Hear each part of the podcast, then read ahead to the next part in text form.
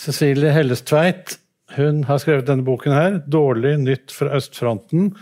Hellestveit er samfunnsviter og jurist med doktorgrad i krigens folkerett, og jobber nå ved Folkerettsinstituttet. Og Så har vi med oss Tor Bukkvold. Han har skrevet et kapittel i denne boken her, som er et svært verk om krigen i Ukraina. Eh, det her er veldig mange eksperter eh, på både krigen og Russland og Ukraina som har eh, bidratt. Og for de som ønsker å vite noe mer om Ukraina, så vil jeg også anbefale to andre bøker. Denne her, Timothy Schneider sin eh, om Ukraina, som er eh, egentlig tatt ut av en annen bok som heter 'Veien til ufrihet'. Men hvis man bare ønsker å lese om Ukraina, så er dette en veldig god bok. I tillegg til denne litt tyngre og mer deprimerende, vil jeg si, eh, boken som heter 'Dødsmarkene', hvor han forteller om lidelsene i Ukraina. For Ukraina har jo Dette er den tredje diktatoren som eh, forsøker å valse over dette stakkars landet. Først så var det jo Hitler, som tok livet av fem millioner ukrainere. Og så var det Stalin, som eh, etter krigen tok livet av fem millioner, sultet dem ut eller sendte dem i fangeleir. Så dette er et folk som virkelig har lidd. Ti millioner mennesker drept i de i, i årene rundt uh, annen verdenskrig. Og hvor mange millioner blir nå, det gjenstår å se. Etter at vi planla dette møtet her, så har det jo, eh, er det jo en ny krig som er på trappene i, eh, mellom Israel og Hamas etter dette forferdelige angrepet som Hamas utførte, terrorangrepet som de utførte mot Israel. Og vi skal, tenkte vi kort skal si litt om det, ikke altfor mye, for dette er Ukraina dette skal handle om. Men hvilken virkning eh, Tor Bukkvold, vil eh, denne, eh, denne, eventuelle krigen i, mellom Israel og Hamas få å si for krigføringen i Ukraina? Ja, jeg tenker at det, Hører dere meg? Ok. Jeg tenker at det er, det er egentlig litt for tidlig å si noe om, for det er såpass nytt. Det har jo ingen umiddelbar effekt. Den ukrainske motoffensiven fortsetter på samme tempo som den har gjort fram til nå, siden den starta i juni. Men kan ikke det bety noe hvis USA er nødt til å bruke mer ressurser i Israel enn Jo, det, det, eneste som kan ha en betydelig effekt, er hvis uh, USA er nødt til å gi våpen til Israel i stedet for til Ukraina.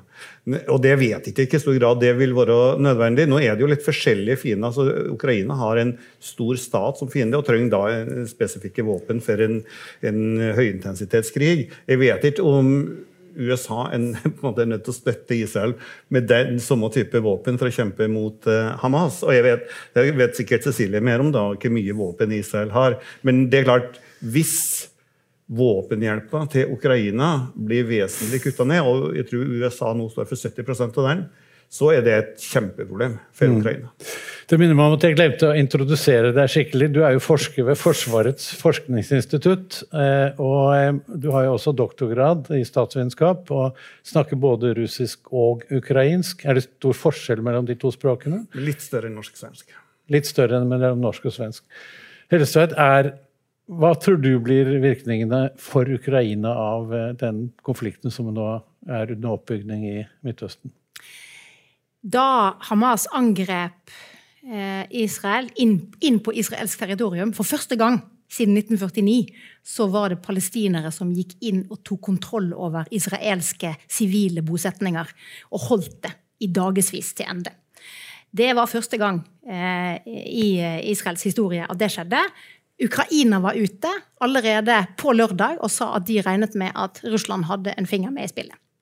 Grunnen til at ukrainerne eh, så Russland bak her, det er etter mitt skjønn at denne krigen som vi trolig nå får på Gaza, den kommer til å påvirke rammene for Eh, ikke selve krigføringen i Ukraina, men den kommer til å påvirke rammene for den konflikten på veldig negativ måte, tror jeg. Det ene er at oppmerksomheten rundt Ukraina-krigen kommer til å endre seg.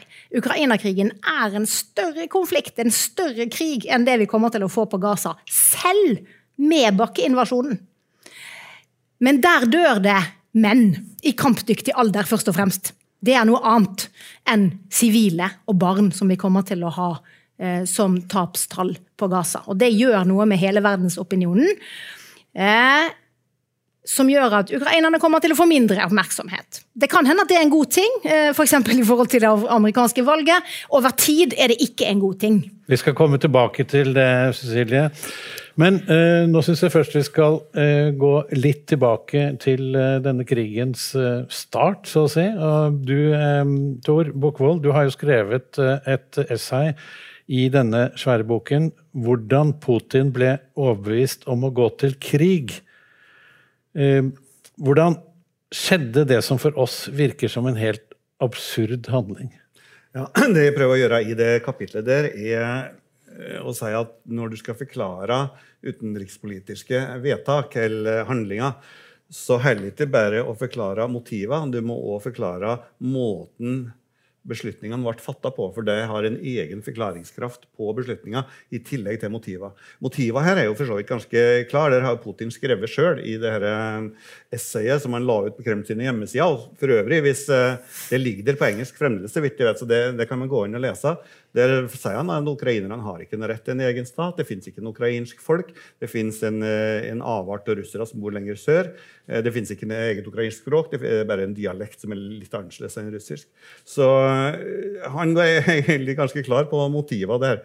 I tillegg så tror jeg at det her med Nato-medlemskap var et motiv, men det kan vi gå mer inn på senere hvis det er aktuelt.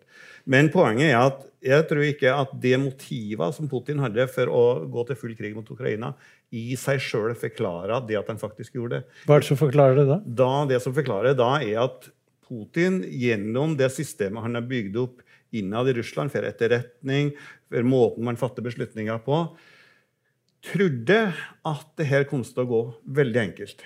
Så altså, Hvis han ikke har trodd at det kom til å gå veldig enkelt, så tror jeg kanskje han ikke ville ha gjort det.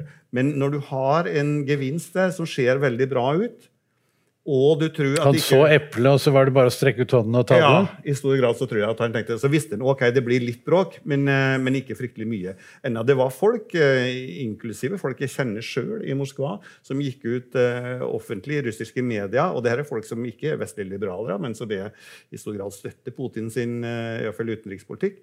Støtta. Og, og, sa ikke gjør det her. Ukrainerne vil slåss, de vil ikke ønske oss velkommen. Men han trodde likevel mer på uh, sin egen etterretning og på sin egen idé om sin, seg sjøl som en ekspert på Ukraina enn det andre inntrykket eller det andre beskjedene han fikk. Ja, altså, uh, Du skriver om denne, dette essayet som, som, vi alle kan lese på hjemmesidene til Kreml. Dette skrev han jo i god tid før krigen. Hvorfor var det ingen i eh, Vesten som fanget opp dette her, da? Rett og slett, altså, Det kan være flere årsaker, men jeg tror en viktig årsak er at vi i Vesten, og dem, inklusiv meg sjøl, visste bedre enn Putin hvordan det sto til Ukraina. Vi, altså, vi, hadde be, vi, hadde bedre forståelse for den ukrainske virkeligheten enn Putin. Det kan høres merkelig ut eh, med det etterretningsapparatet som Putin har. Men eh, jeg var helt sikker på at ukrainerne ville slåss. Alle meningsmålinger hadde tyda på at ukrainerne ikke ønske, ville eh, ønske russerne velkommen. Så her var på en måte I Vesten så tenkte vi at han kan ikke gjøre dette her, for det er jo helt tydelig at det her blir, blir en katastrofe. Men for han så så det ikke sånn ut. Ja, så, så vi i Vesten var på en måte blendet av vår egen skråsikkerhet, da? ja, på en vis, og han var også det på motsatt side? Mer da i betydninga Det var vanskelig for oss å tro at han virkelig kunne være så Ja, Du skriver jo om eh, allerede altså så sent som i februar 2022, altså rett før invasjonen, så hadde jo den russiske forsvarsministeren Sergej Sjojgu et møte med sin kollega, eh, den britiske Ben Wallace, og da sa han at ja, min mor er ukrainsk, sa Sjojgu, så jeg kjenner mentaliteten der. Hva var det han forklarte Wallace da? Nei, Da forklarte Wallace akkurat det som Putin og, og folket i ledelsen i Kreml trodde. At eh, ukrainerne ønsker å være sammen med russerne. Så har de blitt gjennom mange år lurt til å si ja, og resten av Vesten til å velge en kurs som er helt unaturlig for dem. Hvis vi kommer inn der med litt militærmakt, så vil de eh, få da Trodde, de, du, trodde de at de ville klappe for eh, de russiske soldatene? da? Ja. Det trodde de. Det trodde de. Men Ikke alle. Det, det virker, jo, veldig, det virker jo veldig naivt. Ja, det kan du si. Jeg tenkte jo eh, Når den her starta Det var mange som sa det. Jeg vet, jeg sa det sjøl. Og det her er en krig som kommer fra et autoritært land. Kun et autoritært land kan, kan tulle seg opp i en sånn uh, virkelighetsforståelse. Det sa jeg helt fram til jeg leser en bok som heter 'To Start a War'. Som handler om den amerikanske beslutningstagninga før Irak i 2003. Etter det så har jeg vært veldig forsiktig med det argumentet. For jeg, altså jeg så så mange paralleller som jeg ikke hadde regnet med at jeg skulle se. Så jeg tenker at det er og Hvis det skjer gjennom hele krigshistoria altså, Det er veldig mange kriger som har startet på det viset at den som starter krigen, er overbevist om at her kommer det til å gå fort og greit. Ja. Uh, Cecilie Helstveit, kan ikke Putin ha litt rett? Er uh, Ukraina egentlig et land og et folk? Nå er det jo det. Jeg var i Ukraina i april fordi jeg var internasjonal ekspert og skrev en internasjonal rapport om deportasjon av barn fra krigsteatret. Eh, og da dro jeg inn sammen med en Men du sier nå, du sier nå, fordi at hvis du ser på et kart Nei, nei, men, men jeg, skal, jeg skal forklare hva jeg mener. Eh, da dro jeg inn sammen med en eh, av de andre internasjonale ekspertene som kom til Kiev i fjor, i mars. De dro inn, Da var det to stykker under Moskva-mekanismen som dro til Kiev for å se etter krigsforbrytelser en, en måned inn i krigen. Og, eh, og da var det store plakater. Når du kjører inn i Ukraina så tar det ganske lang tid. Ukraina er et gigantisk land. Det tar flere dager å kjøre til Kiev.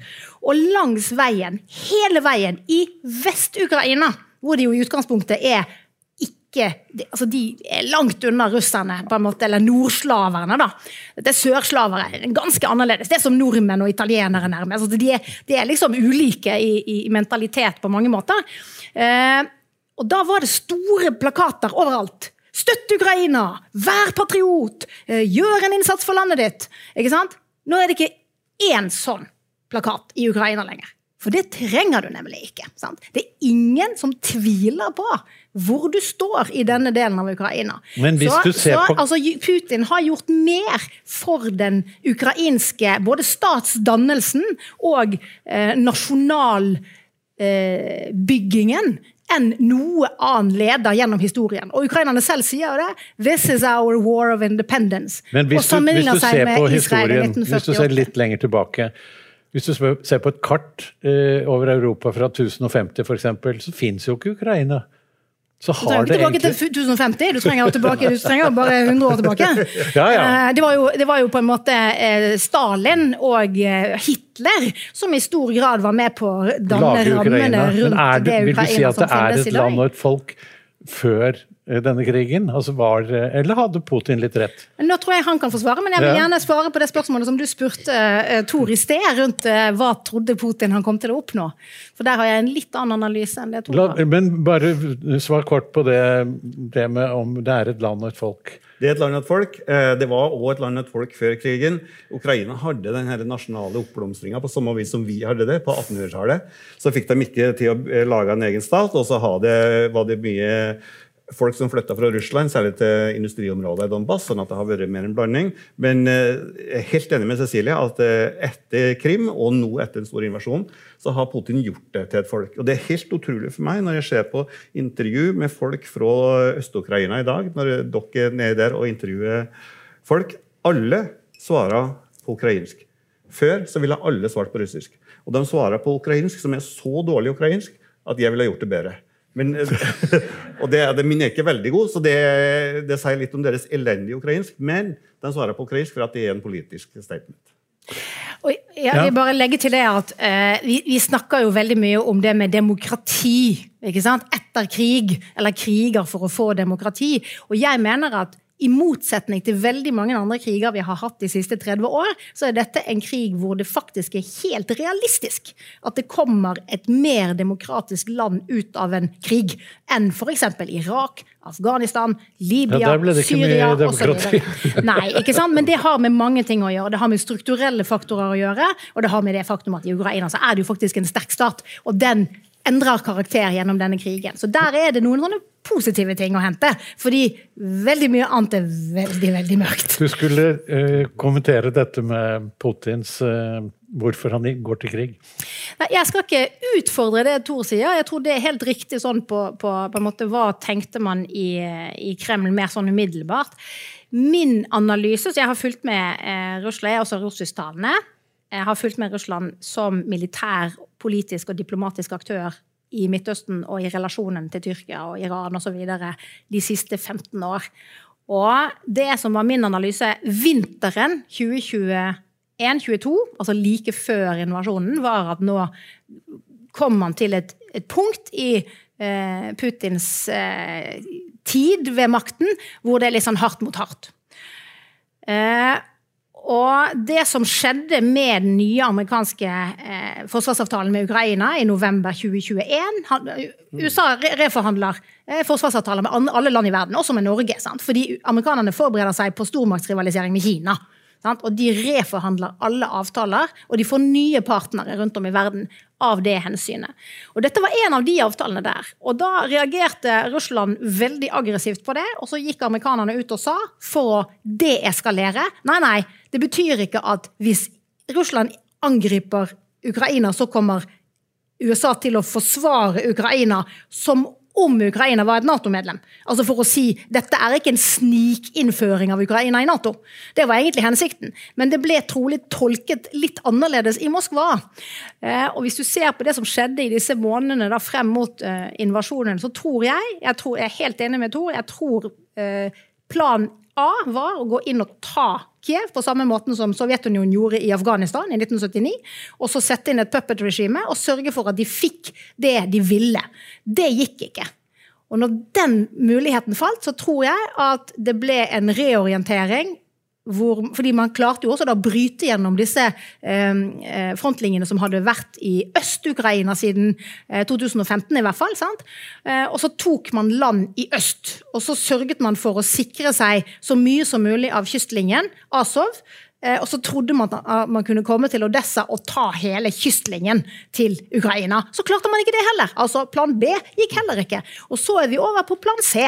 ikke sant? Og Da handler det om en buffer langs Azovhavet, sikre Krim og eh, gjøre Asovhavet til indre farvann. Fordi at Asovhavet er viktig for også eh, vannveiene. Veldig mye infrastruktur. De som ikke vet hvor Asovhavet ligger, det er altså på eh, det er eh, den lille delen av Svartehavet som ligger mellom Krim eh, på, til eh, vest og Russland i øst og Ukraina i nord. Så jeg tror nå, som sagt at, det, at Moskva nå står på eh, alternativ C. Eh, men det er klart, hvis du ser på de eh, vilkårene som Putin stilte i desember 2021 til, om Ukraina, ikke til Ukraina, men til USA og til Nato, om hva som skulle være liksom, rammene for sikkerheten mellom Russland og, eh, og, Nato rundt Ukraina, så var det tre krav. Eh, og alle de kravene har eh, på en måte blitt knust. Så de kravene som, måte, som, som, som Putin satt før invasjonen, de har blitt desimert, rett og slett. Du snakket om etterretning, eh, og, at du visste bedre enn Putin hvordan situasjonen var i Jeg hører at det ikke høres bra ut når du sier det sånn. men, men, jeg har, men, jeg har, også lest at Putin bruker jo ikke internett. Eh, er det en av grunnene til at han har så dårlig eh, forståelse for situasjonen? Eller hvorfor var den russiske etterretningen så dårlig? Eller var den ikke det? Var det bare Putin som ikke ville høre på det? Nei, altså, jeg tror ikke det er, det er en forskjell på, på en kvaliteten til etterretningsapparatet og Altså, en ting er å hente inn etterretning, en annen ting er å tolke den riktig. Det er to forskjellige prosesser. og Du kan ofte være god i den første og dårlig i den andre. og jeg, jeg tenker, altså For å ta de parallellene da, som jeg så med den boka eh, 'To Start a War', som handla om amerikanske beslutninger om å gå inn i Irak, så var det et veldig press på etterretningstjenestene i begge land for å la, komme med etterretning som stemte overens med det eh, ledelsen, politiske ledelsen tenkte, særlig presidenten tenkte. Det eh, vet vi var i, i begge tilfellene. De hadde begge en eh, fordi at politikere ikke ønsker å få forskjellig etterretning. Du har forskjellige etterretningstjenester som ofte kan komme med forskjellige eh, konklusjoner. Så I begge tilfeller så hadde man en slags sånn koordineringsmekanisme der alle etterretninger kom inn, og så ble det gjort om til ett etterretningsbilde, som så gikk til politikeren. Og Da forsvinner jo selvfølgelig veldig mange av nyansene. I tillegg, så, i begge tilfellene så stoler man fryktelig mye på folk som fra det landet man vurderte å invadere, som hadde en egeninteresse i at det ble invasjon. Han er um, Shalabi i, i tilfellet Irak. Og i tilfellet her så var det en som het Sivkovitsj, eh, som satt i Moskva, som var eksil fra Janukovitsj-styret i Ukraina. og som hadde en han ville gjerne at det skulle bli en invasjon som skulle ta tid, for da så han for seg en rolle der. Så bare de tre tinga der er, det skjedde i begge tilfellene. Og, men det som, er, det som tror skiller altså Det er det at en, en, at en, president i Russland ikke bruker internett, det er jo nokså spesielt, er det ikke det? Ja, det kan Han er jo han er jo ikke ung noe, noe mer. Du er ikke så, så gammel? Jeg, ikke så altså, jeg bruker internett. Ja da, mine foreldre gjør det, og de er 80, så det, det, er sant, det. Men jeg, jeg, vet ikke om det er det viktigste. Det, det, hvis du bruker internett, men bare ser på det likevel, det som de, dem som sier akkurat det samme som du sjøl mener, så, så vet ja, Du mener at han ville vært et ekkokammer uansett? Men, men er det, er det, tror du at folk i etterretningstjenesten i Russland visste bedre, men at de var redd for å ja. fortelle. Det, det, det, tror jeg. Og det er kanskje, hvis du skal snakke noe som skiller et autoritært styre fra et eh, demokratisk styre i denne etterretningsprosessen, så er det at frykten er uendelig mye større i et autoritært system. Så dere tør å gi korrekt etterretning til uh... Ja, vi, jeg er ikke etterretning, men uh, Nei, nei, men altså men, forsvar, det norske for, forsvaret, da. Ja. Det, men, men eh, det, jeg mener det, Du kommer til starten. Men eh, jeg, den, eh, hvis, hvis, noen ønsker å se hvordan den frykten fungerer i praksis, og det er sikkert folk i salen som har sett det, så gå på YouTube og så se på det som ligger ute fra møtet i det russiske sikkerhetsrådet 18.2. I, i fjor, ja, når Sergej Narysjkin skulle si hva han mente om anerkjennelse til folkerepublikkene eller ikke. Det er altså sjefen for SVR, som er russisk CIA som er livredd på talerstolen. Og I et sånt system så er det klart at det er mye større sjanse for dårligere. Ble han straffet etterpå? Nei, han, han, ble ikke det. Men han ble ydmyka av dere da. Ok, Nå skal jeg være litt uenig med Tor. okay. Jeg har egentlig vært litt sånn opptatt av å finne, leite etter ting vi er uenige om, fordi da får vi en liten bredde. Fordi det jeg er bekymret for, det er det at vi lider litt av det du snakker om, med sånn confirmation bias. Det er veldig vanlig i miljøet hvor veldig mange tenker litt for litt. Ja, la oss oversette det det. er en slags eh, Bekreftelsessyndromet. Ja. Og vi vet hvordan menneskelig hjerne fungerer. Den fungerer slik at hvis du har en forestilling om hva som egentlig skjer, så vil hjernen din leite etter de, den opplysningen som bekrefter din analyse, og så vil den rett og slett overse de tingene som på en måte til, tilsier noe annet. Ja, Men det er jo det etterretningen skal gjøre. Eh, jo, men, men etterretningsfolk er også mennesker. Og det er klart Når du har regimer som det russiske, eller eh, jeg tror også vi kan si eh, amerikanerne under George W. Bush, hvor du jo hadde en helt du hadde en endring av strukturene hvor du satt sivile på toppen av militære organisasjoner. Det var en god del ting som skjedde der som noen som kan ha påvirket det. Så jeg er litt redd for at vi går i samme fella. Fordi jeg har vært, jeg har drevet med forskning på krig i to tiår i Europa. Har vært med på mange forskningsprosjekter gjennom EU osv. Men der driver vi ikke med forskning på krig, vet du, fordi at det tilhører historien. Det er bare historikere i Europa som forsker på dette, fordi Europa har lagt krigen bak seg, nemlig. Det tilhører en annen epoke av menneskehetens historie. Og så er det de områdene i verden som ikke har kommet like høyt opp som Europa har. Og det gjør egentlig at alle institusjonene våre, alle virkemidlene våre, alle måtene vi tolker og tenker om verden rundt oss på, er preget av det etter tre tiår med stadig dypere fred. Og så er spørsmålet har det også kommet til Moskva? Og det tror jeg ikke. Jeg tror at Putin er en president som fra helt eh, i starten av sitt presidentskap har sett på krig på en annen måte. Jeg mener at måten Jeg mener han, han har planlagt dette siden eh, 2000? Men jeg, nei, men kanskje siden Nei, ikke planlagt dette. Men jeg tror nok at hans eh, syn på krig og militære virkemidler og brutalitet for å få til det han vil, ikke er den samme analysen som vår analyse. Hans måte å forstå det på er annerledes. og Han har nå operert ganske intensivt i Midtøsten eh, de siste 15 år. Og Der har de en litt sånn tilsvarende måte å analysere bruk av makt, militære virkemidler og, og pressmidler som vi ikke gjør i Europa lenger. Så jeg er litt bekymret for den der, uh, på en måte måten å tolke Russland på, da, som, hvor jeg tror kanskje at vi, vi tenker han er en han er irrasjonell, han forstår ikke effektene. Ikke sant? Fordi det er en situasjon nå hvor vi går mot en stor konfrontasjon mellom Kina og USA. Hvem er Russland i den relasjonen? Fordi de flatene hvor den stormaktsrivaliseringen foregår, der er Russland bitte lite. Så, så, Russland er et land som blir mindre og mindre stormakt egentlig i verden. Men mener du at han måtte Russland... gjøre dette før denne konfrontasjonen utspiller seg da, mellom Kina og USA?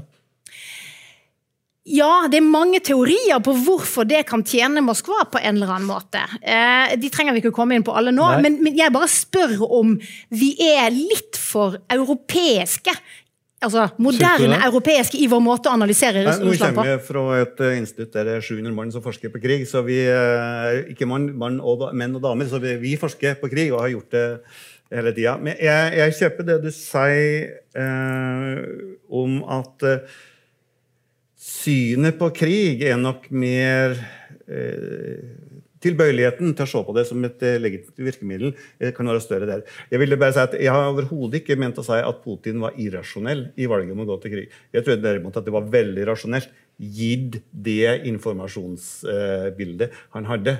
Han så en pris som var altså, som du sa, med eple. Da. Så det, det, var ikke, det, det, var 100 rasjonelt, det han gjorde. Problemet var bare at han hadde feil info. Men, men et annet spørsmål da, Tor. Eh, du som er i Forsvaret. For oss lekfolk så virker jo denne operasjonen hans veldig dårlig planlagt. og det, eh, Soldatene visste jo ikke engang hva de skulle gjøre. Utstyret var gammelt, og selve krigføringen var jo også veld, veldig gammel. Det var, det var bare landstyrker. Ikke, de gikk jo ikke inn med noe særlig fly og sjø på forhånd. Ja, nei, den eh, ja, altså, eh, Kanskje fått litt uh, urettferdig kritikk på et vis. Hvis uh, Måten Putin starta krigen på, skyldes jo etterretningsbildet. Hvis du tror at det her blir veldig enkelt, så, så kan du gå inn med forholdsvis begrensa styrker. Og du trenger ikke å planlegge for en voldsom luftoperasjon. Så, Burde han gjort det? ja, Hvis han skal ta hele Ukraina, så burde han gjort noe mye mye større. Da kunne det faktisk hende at uh, han har klart å tatt gir. Det er ikke at det var så kjempelangt unna. Du hadde den uh, luft-landestyrkene, som er det russiske ja, det er en eliteavdeling da, som kommer med fly. De var ganske nær å ta flyplassen i Hostomel. og Hvis de hadde gjort det, så kunne de brukt den som et springbrett til å ta Kiev. Så det er ikke sånn at det var åpenbart at Kiev ikke ville bli tatt. Det var, bare, det var på hekta? Altså, det var litt på hekta der. Men uh, samtidig så var det, som du sier du kan ikke angripe et så stort land med så få folk. Det var, det var derfor at mange av våre militære eksperter sa at det, det her kan ikke være forberedelse til krig, for det er altfor få folk der. Men du har jo skrevet om to andre ting. Du har skrevet om hvorfor er ikke har man ikke utvidet domenet her? Altså, Hvorfor har man ikke gått til cyberkrig? Altså krig gjennom internett, ødelegge infrastruktur gjennom internett, istedenfor å drive og bombe det med sånne gammeldagse bomber. Og så har du snakket om også eh, eh, det ytre rom, har du skrevet om. Hvorfor har man ikke gått til krig der? Hvorfor har man ikke skutt ned Starlink-satellittene, som jo ukrainerne navigerer etter? Hva tror du er årsaken til det? Jeg tror at uh det er flere sider ved den måten denne krigen ble ført på fra dag én, som gjør meg litt mistenksom i forhold til at dette var helt eh, At det ikke hadde noen andre tanker bak enn at nå skal vi ta Kiev, eh, og så har vi ABC-scenarioene eh, våre. Og det har litt sammenheng med, med styrkeforholdet. Sant? Fordi Eh, landkrig driver vi ikke lenger med i Europa, f.eks. Vi har lagt ned, altså Tyskerne og nederlenderne de har slått sammen sine landkrigsavdelinger for å hindre sine respektive parlamenter for å legge ned landforsvaret helt.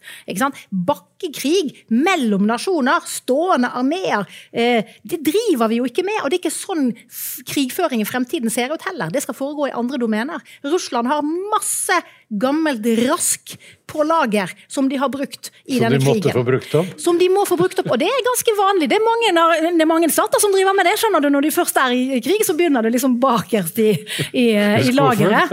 Eh, men det som skjedde her, var jo at de første tre ukene av denne krigen så ble det brukt så mye ammunisjon på daglig basis, altså en god del europeiske Nato-land vil, ville gått tom i løpet av dager. Og det, der ligger det en sånn avskrekking fra Moskva. Fordi det Moskva sier da, dette skal ikke bli kjernefysisk, men skal det være kon konvensjonelt?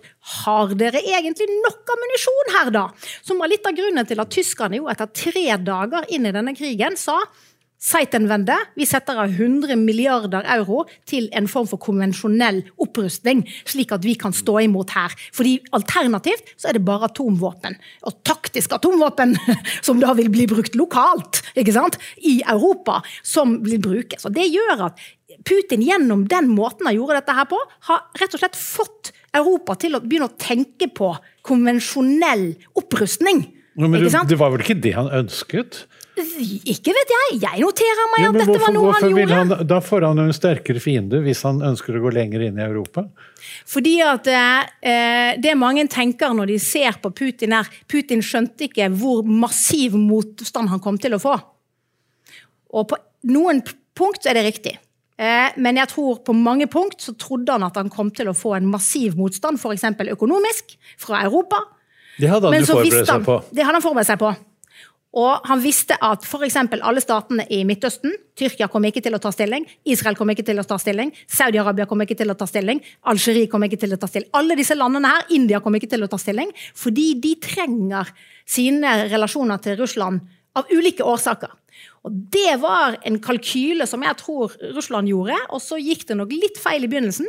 Men over tid så er det klart sanksjonsregimet vårt mot Russland det er svakere enn det amerikanerne hadde mot Iran fra 2018. Det er svakere. Ikke sant? Det er mange deler av den russiske økonomien som ikke blir tilstrekkelig rammet av vårt sanksjonsregime. Fordi amerikanerne de har verktøyene, men de kan ikke bruke dem fordi land i, den, i det globale sør reagerer på det. Derfor var det 40 land som nå ønsker å få medlemskap i BRICS i august i år. Sant? Fordi amerikanerne trenger de virkemidlene først og fremst mot Kina. Og Europa har ikke de virkemidlene. I Europa er det fortsatt slik at for å eh, innføre sanksjoner, så må du ha konsensus. Det Jo, gjør men- at alle altså, land i Europa i EU må Europa trenger jo fortsatt gass, og vi europeerne bruker jo milliarder av kroner som de sender til Russland. Det er jo nok til å, til å betale for hele krigføringen, er det ikke det, Tor? Dette var antageligvis en del av kalkylen fra Moskva. da. Men jeg har lyst til å si, for det, det var noe du sa helt til å begynne med, som jeg eh, tenkte på her. Um, Hvorfor slåss de så gammeldags når du har moderne våpen som cyber? Jeg tror, det, og det har vel eh, kommet fram både gjennom denne krigen og andre kriger. Det er sterkt overdreven hva du kan oppnå med cyber. Og cyber er sannsynligvis mer, bedre egnet til spionasje og påvirkning enn til å ødelegge ting. Du kan ødelegge ting, men det, det krever fryktelig mye jobb og planlegging. Og straks du har gjort det, så har du røpet at du er inne i systemet, så du kan ikke gjøre det på nytt. så det er bare... men men det er et viktig poeng her som, som vi har sett gjennom den krigen, her, og det er at gamle våpen, gamle våpentyper og gamle måter å, krig, å føre krig på Når du har det, og så det kommer en ny måte, så er det ikke sånn at det, det nye fortrenger det gamle. nødvendigvis. Det er mer at det legger seg oppå hverandre. Så Derfor så har du den gamle krigen på hele fronten der, samtidig som du nå har den største dronekrigen vi har i verden, og som ser ut til å forandre krigføringa. Kanskje ganske ikke permanent. Men det betyr ikke at det gamle går bort. Det blir bare mer oppå ned. Hvorfor kunne ikke Nato-landene, bl.a. Norge, gå inn med egne styrker og forsvare Ukraina? og få gjort unna denne krigen litt raskt? Ja, da kunne vi gjort, gjort denne krigen raskt, det tror jeg òg, men det, faren for atomkrig er for stor. Ja, hvorfor, hvorfor, vil det bli mer fare for atomkrig da? For da har du direkte Da skjøt Nato-soldater på russiske soldater. Så gjør en part noe som den andre parten tyder er helt galskap. Det kan de ikke gjøre mot oss. Og så gjør den parten noe tilbake, som det var den første parten. Det er, ikke, det er helt. Jo, men Putin vet jo det at hvis han slipper en atombombe, så er han død. Da, da vil ja, han også bli drept. Den ene, ene, tingen tar den andre. Altså, jeg tror heller ikke at faren for atomkrig er veldig stor. Jeg tror den er ganske liten. Men den er ikke null. Ja, jeg er helt enig i det. Vi er helt enig i dette. I tillegg så er det slik at det er noen rammer her. Første uken eh, så angrep eh, russerne en satellitt. Sant? Og det var en sånn Å, skal vi ta det opp i rommet? Og så sa amerikanerne nei, det skal vi ikke. Skal ikke ut der. Hvorfor det? Fordi infrastrukturen i våre land, i Norge f.eks., den tåler ikke en konflikt med Russland. Fordi vi har sammenvevde systemer. Men hvorfor sa, ja, så det blir for store effekter. Men, nå, nå, men, vent litt. Ja. Hvis amerikanerne sa at nei, dette aksepterer vi ikke, hvorfor aksepterte russerne ikke å, å la være å skyte ned flere satellitter? Fordi, da, fordi, det er en testing. Her, sånn, det skjer veldig mye når du har kriger som, som, oppstår i vår tid. Fordi kriger i vår tid er kontrollerte kriger. Det er jo ikke slik at du bruker alle kapasitetene du har. Det er noen rammer som gjør at hvis du går utenfor der, så skjer det noe nytt. Og med, her er det jo også folkerettslige regler som er helt klare. At i det øyeblikket du har styrker som deltar i Ukraina, altså f.eks. flygere, piloter fra Norge, som flyr norske F-16-fly, da er Norge i en væpnet konflikt med Russland. Og da kan Russland angripe norsk territorium. Hvis vi starter den i Ukraina, da er vi ute i en litt sånn jo, men, men, Det er noen men, automatiske likevel, regler her. Hvorfor, det, hvorfor aksepterte russerne å, å, å, å la være å skyte ned flere satellitter? Fordi det var en test. Det var en sånn, Skal vi ta det opp i cyber? Vil dere det? Så, men så reagerte Nei. amerikanerne så sterkt at de skjønte at det ikke var så lurt? Nei, amerikanerne vil ikke ha det dit, fordi det er altfor farlig. Det vil jo bli en form for verdenskrig, ikke sant?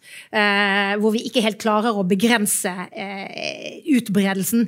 Eh, og det vil man ikke ha. Så da sier man det skal være på ukrainsk territorium. Og det er også en av grunnene til at amerikanerne hele veien har sagt nå gir vi den og den type våpen.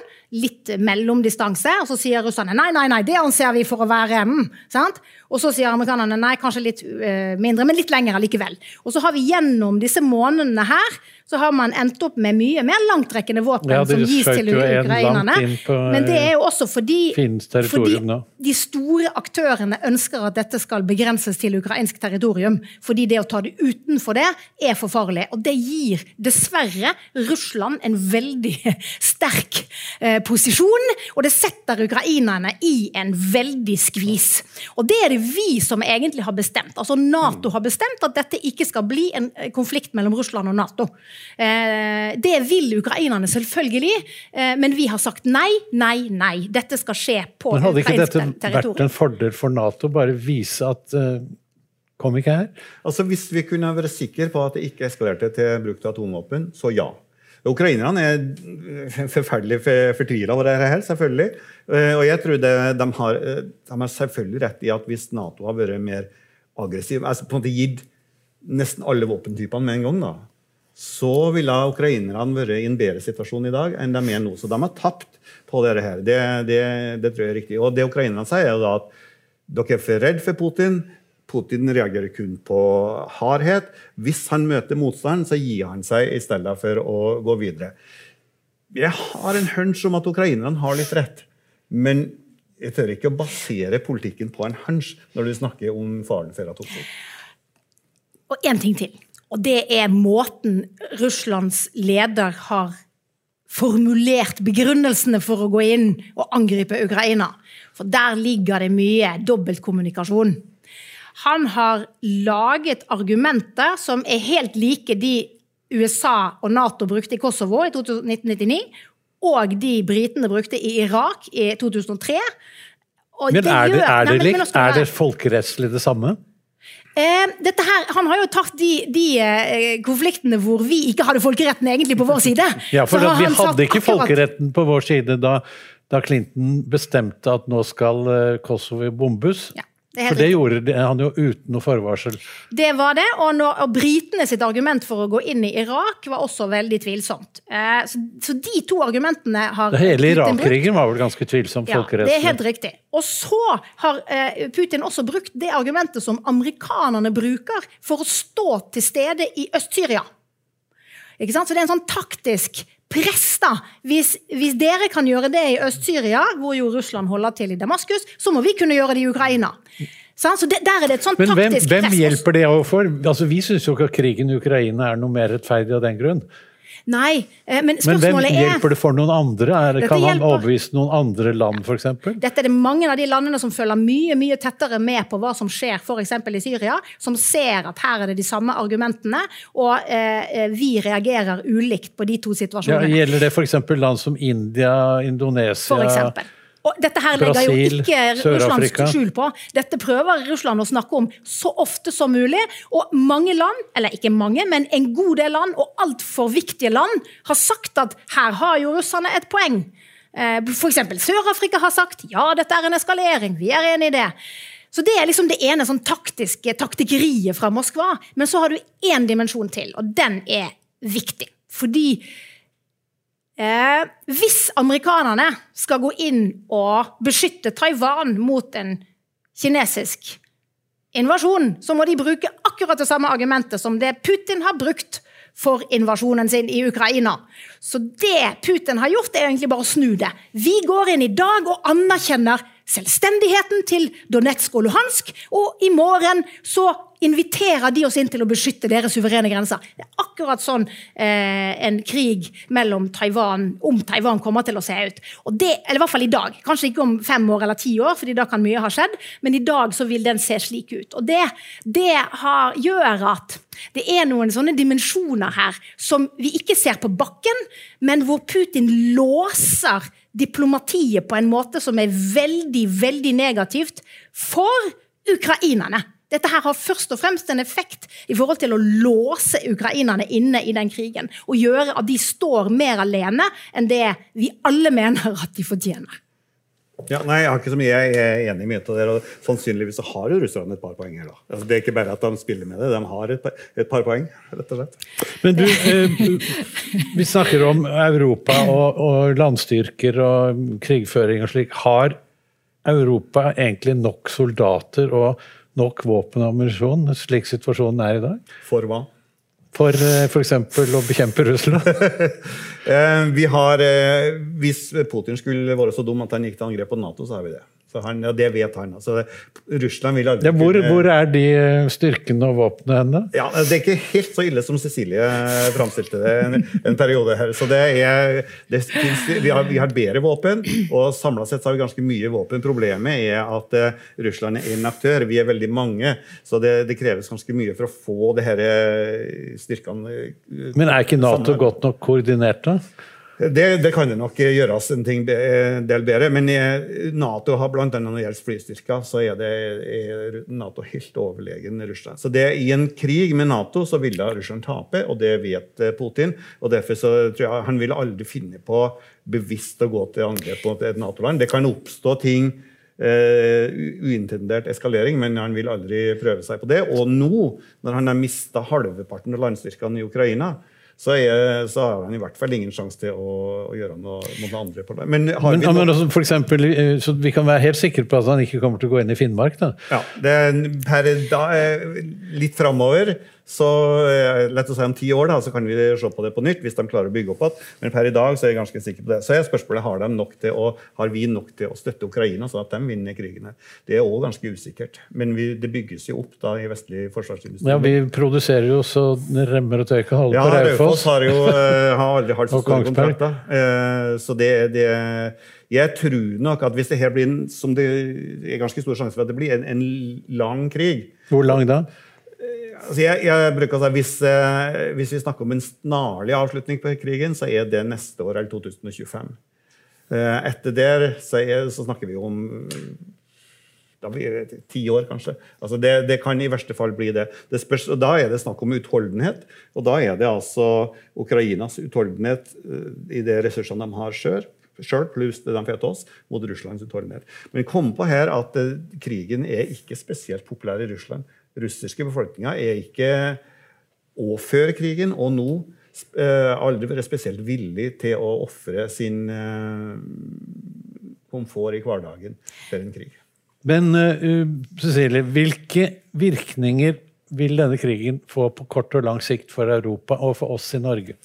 Og det som er Problemet vårt er jo sant, at under hele den kalde krigen, etter andre verdenskrig, så har vi hatt en buffersone gjennom Europa. Sant? Du hadde eh, eh Baltiske stater var okkupert av, av, av, Russland eller var sovjetiske. Og alle disse her eh, Hviterussland og, og Ukraina var sovjetstater. Det var ikke Russland, men det var liksom noen, noen bufferland, nærmest. Og så hadde du Warszawapakten, hvor du hadde noen andre bufferland. Sant? Og de har jo kommet inn i Nato. De har, de, har, de har, søkt seg inn i Nato ved første mulige anledning etter at jernteppet falt.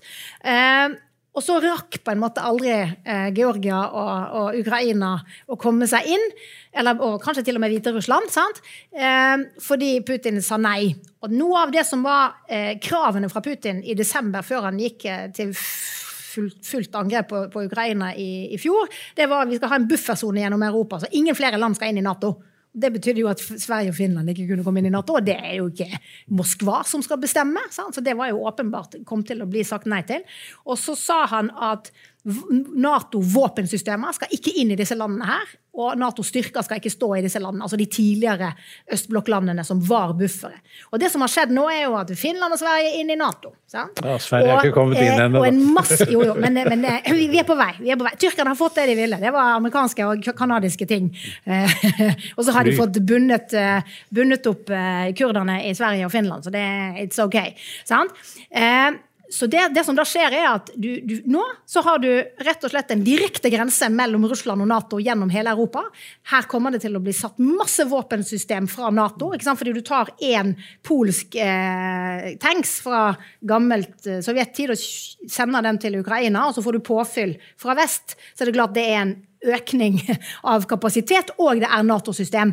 ikke sant? Og så får du Nato-styrker som kommer til å stå i veldig stor grad her. Så du har en direkte linje mellom, gjennom Europa, mellom Russland og Nato. Og så er spørsmålet hvordan ser de neste 20 årene ut? Jo, alt tyder på at du får en, en, en økning i motsetningene mellom Kina og, og USA. Uh, og i forrige uke så gikk amerikanerne ut og sa at vi må forberede oss på krig ikke bare med Kina, men med Kina-Russland. Og da er det klart, da blir jo dette en av grensene for den konflikten. Og da er det vi som er oppi den grensa. La oss ta et scenario her. Det Hvis, og det er jo vår egen grense, faktisk. La oss ta et scenario her. Hvis uh, La oss si at krigen i Ukraina tar slutt uh, ved at Russland må trekke seg ut. Uh, vi skal gå litt nærmere inn på det senere, men la oss ta det scenarioet. Så blir det krig mellom USA og Kina om Taiwan. Vil ikke da Russland prøve seg på nytt? Tror du det? Fordi da vil amerikanerne være opptatt både med økonomisk og styrkemessig på en helt annen side av kloden. Ok, så Man kan ikke utelukke det. Men hvis det skjer som i det scenarioet ditt, at Russland taper fullstendig her, da er det, det er ingen garanti, men det er en betydelig sjanse for at du får et regimeskifte i Moskva. I hvert fall lederskifte, kanskje også et regimeskifte. Dermed kan du få et Russland som da ikke er aggressivt på samme vis som det er nå. Det, det, kan høres litt sånn naivt ut å si det, og det, mange vil si at, er, at, Russland er på en måte evig aggressivt. Jeg tror ikke at det er sånn. Jeg tror at det er ting eh, land kan, kan, forandre seg. Så det, det kan skje. Og, men sjøl om det ikke skulle skje, da, eh, så vil da et Russland som har tapt i Ukraina, være så redusert militært at eh, jeg tror det er i hvert fall ganske lang tid før de vil prøve seg på nytt. Her er det også en liten perspektivulikhet, tror jeg vi kan si. Jeg, jeg, vet ikke. Jeg tror at Putin har klart å holde den mobiliseringen som han måtte foreta i fjor når han gikk til annektering av disse fire provinsene. Eh, at den delvise mobiliseringen der har han klart å styre unna de viktige delene av den russiske befolkningen som hans styre hviler på. Jeg var i, i St. Petersburg i januar i år og, og, og ser du, du, merker at her er det en sånn ny måte å se verden på i Russland. Hvor man, hvor man, kjøper Altså, man, man, man overøses med propaganda fra regimet. Og selv om man har tilgang kanskje på litt internett og, og VPN, og sånn, så leser man det på en helt annen måte. Og de får nå en beskjed om at det egentlig så er det dette som har skjedd, det er disse som gjør dette. Og, og det, er, det, er, vanskelig i et land som Russland, som går fra å være et autoritært regime, og som med denne krigen gjør det mulig for Kreml å bevege seg mer i en totalitær retning. De begynner å ta i bruk virkemidler som du også hadde under, under sovjettiden. Jeg snakket med folk som hadde vært ute og demonstrert mot krigen i, i fjor Eh, vår, tidlig i krigen. Men de sluttet med det. Ikke fordi de selv ble fengslet, men fordi deres fetter mistet plassen sin på Ingeniørhøgskolen. Og da går du inn i en sånn kollektiv avstraffelsesvirkemiddelbruk som Sovjetunionen hadde. Dette kjenner de gamle i, i, Russland. De forstår hva dette betyr, og da er det noe mer. Da, da slutter du å stille spørsmålstegn. Og så er spørsmålet hvor er det Russland som er under? ikke sant? Og det er der enda, men over tid, med tiden, så spørsmålet hva skjer med det Russland når tiden går i den type Russland du har i dag, da, hvor du, hvor du, hvor du snur virkeligheten. Og hvor de russerne som bor i Russland nå, de reiser ikke lenger til vestlige land. eller Noen gjør det, men eh, fordi at de er statsborgere i andre land hvor de har klart å kjøpe seg statsborgerskap. så er det greit, ikke sant? Men som trekker mot øst, mot Asia. Hvor Russland sier vår fremtid nå ligger i Asia. Det er der 50, 75 av veksten til neste år i økonomiene kommer til å komme. Vi trenger ikke å bry oss om det gamle kontinentet lenger. Vi skal uh, vende oss mot øst. Så jeg, jeg vet ikke. Det, det, er mange usikkerhetsmomenter her. Vent litt, vi har litt, nå må, vi, må, dere svare litt kort, vi har ikke så lang tid igjen her. Uh, bare lyst til at du nevner uh, kort uh, hva som kan skje med dellinjen i Barentshavet? Ja, fordi det, eh, vi er jo veldig glad for at Finland har kommet inn i Nato. Det gir oss ikke bare eh, en direkte landlinje eh, mellom Nato og Russland på 1340 km, og det, da er vår egen på 197 km, mm. veldig veldig liten. Og hele den land, eh, landgrensa, der ligger det en finsk soldat under hver eneste tue. Sant? Kjempebra. Sant? Men problemet vårt er at vi har en sjøgrense mot Russland pga. Svalbard som er på 1000 km pluss minus. Og det er der mye av presset kommer til å komme fremover. Fordi de store maktene i verden de ruster opp maritimt. Det er mange grunner til det. Det er ikke bare fordi det er aggressivt, men det er, det er, mange forklaringer på det, tenker jeg. Men det er et faktum. Og det er da i våre nærområder, Norge, vår økonomiske sone, eh, de områdene hvor vi henter ut ressursene som opprettholder vår velstand, og som eh, inn i oljefondet og diverse andre ting. Vårt system er ikke rigget for den verden som kommer etter at Ukraina-krigen har gått over i en ny fase. Fordi da kommer russerne antageligvis uansett, enten alene eller sammen med kineserne, til å utøve mer press i nord. Og vår, vårt spørsmål er da hvordan skal vi klare å ja, skal vi si, skjøtte våre interesser på en forsvarlig måte. Er det derfor vi må uh, tillate russiske fiskefartøyer å gå til norske havner? For at russerne ikke skal kødde med den grensen? Altså, eh, spørsmålet er jo hvem er det som kommer til å stille kravene når i forhold til vår situasjon i nord? Er Norge forsiktig med å ikke fremprovosere ting? Ja, det vil jeg si. Er det klokt? Det er ganske klokt. Likevel så tror jeg at det er ikke til syvende og sist Norge som bestemmer. Og når og hvorfor Russland det, tar opp eskaleringen i, i, nord eventuelt. Eller andre aktører gjør det. Det vi må være klar over, er at under den kalde krigen Eh, mellom Sovjetunionen og USA, så var Norge en sånn lefse midt imellom, sånn geografisk. For dette var liksom eh, sant? stormens øye. Og i stormens øye er det blikkstille. Sant? Hvor er stormens øye? På Taiwan. Det er omtrent så langt unna oss som det er mulig å komme. Så i en sånn geopolitisk analyse så er vi i ferd med å bli litt strategisk periferi. Og det er også Ukraina. Helt til slutt, hvem kommer til å vinne? Ja, ja. Jeg tror Ukraina kommer til å vinne. Um, Fullstendig, sånn som de krever? Nei, det er ikke Med Krim og hele greia? Det kan hende at Krim blir en, eh, et problem på veldig lang eh, sikt.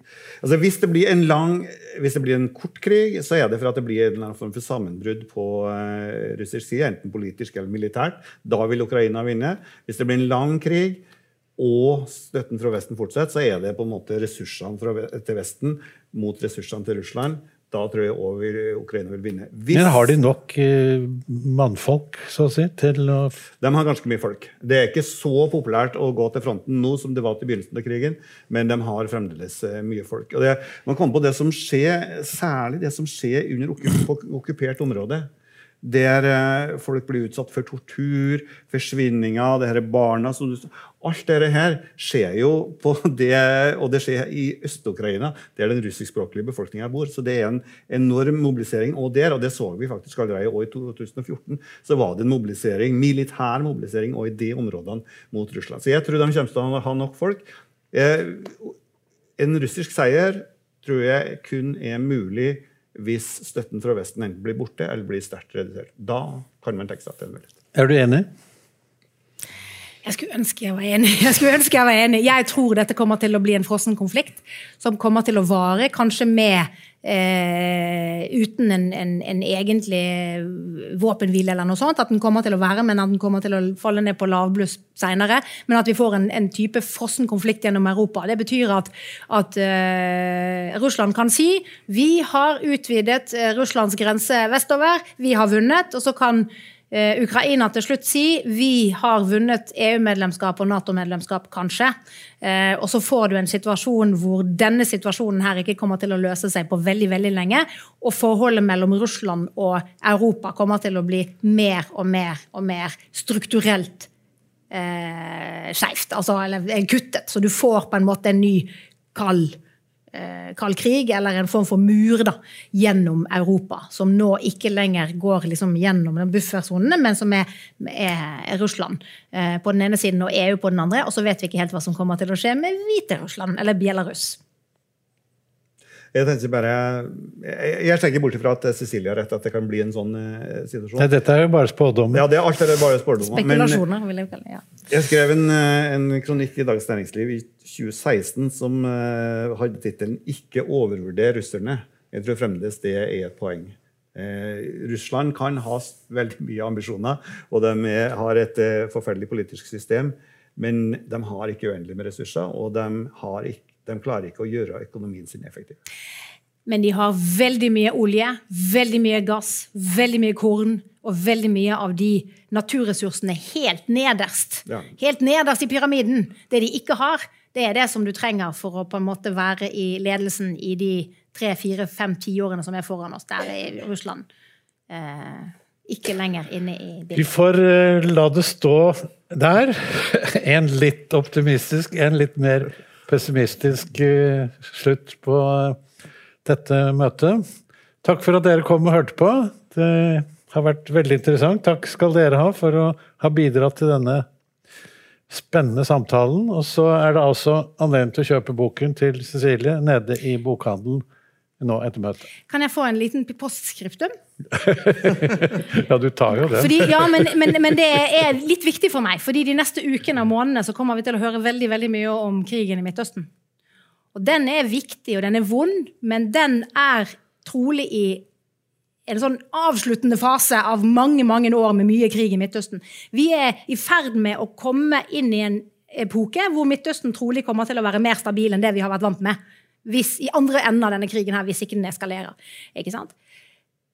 Krigen i Ukraina er, er, mye nærmere oss. Det er en større krig, og den er farligere for oss. Så er det er veldig viktig at man ikke mister Ukraina-krigen av syne bare fordi eh, avisene er fulle av Midtøsten.